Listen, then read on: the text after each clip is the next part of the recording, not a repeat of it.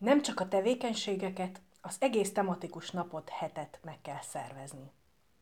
A tematikus hetek és napok a választott módszertan megismerése és érvényesítése mellett más fontos tervezési és szervezési feladatokat is rónak a megvalósításban résztvevőkre, legfőképp a tanári közösségekre.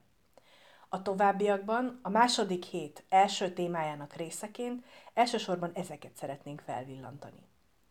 Tekintve, hogy a tematikus hét nap legfontosabb megkülönböztetője, hogy több szempontból eltér a hagyományos iskolai oktatási rendtől, így megvalósításához komoly előkészületeket kell tenni. Olyan fontos kérdésekre kell választ találni, mint például a következők. Mikor és hol illeszthetők be a tematikus hetek és napok programjai a tanrendbe? Hány osztály vagy évfolyam vegyen részt a programban? Kikre lenne szükség a megvalósításhoz iskolán belül és kívül?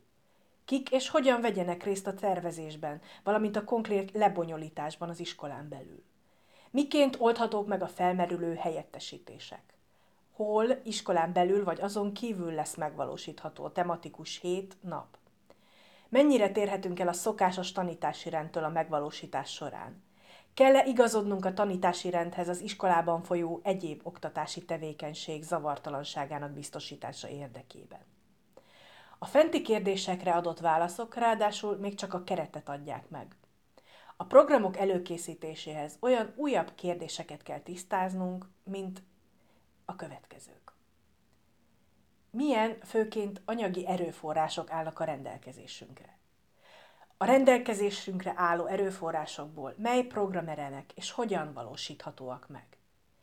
Milyen előkészületek szükségesek az egyes programelemek megvalósításához? Módszertani ismeretek, gyakorlatok, térszervezés és a többi. Hogyan készítsük fel a gyerekeket a programokra?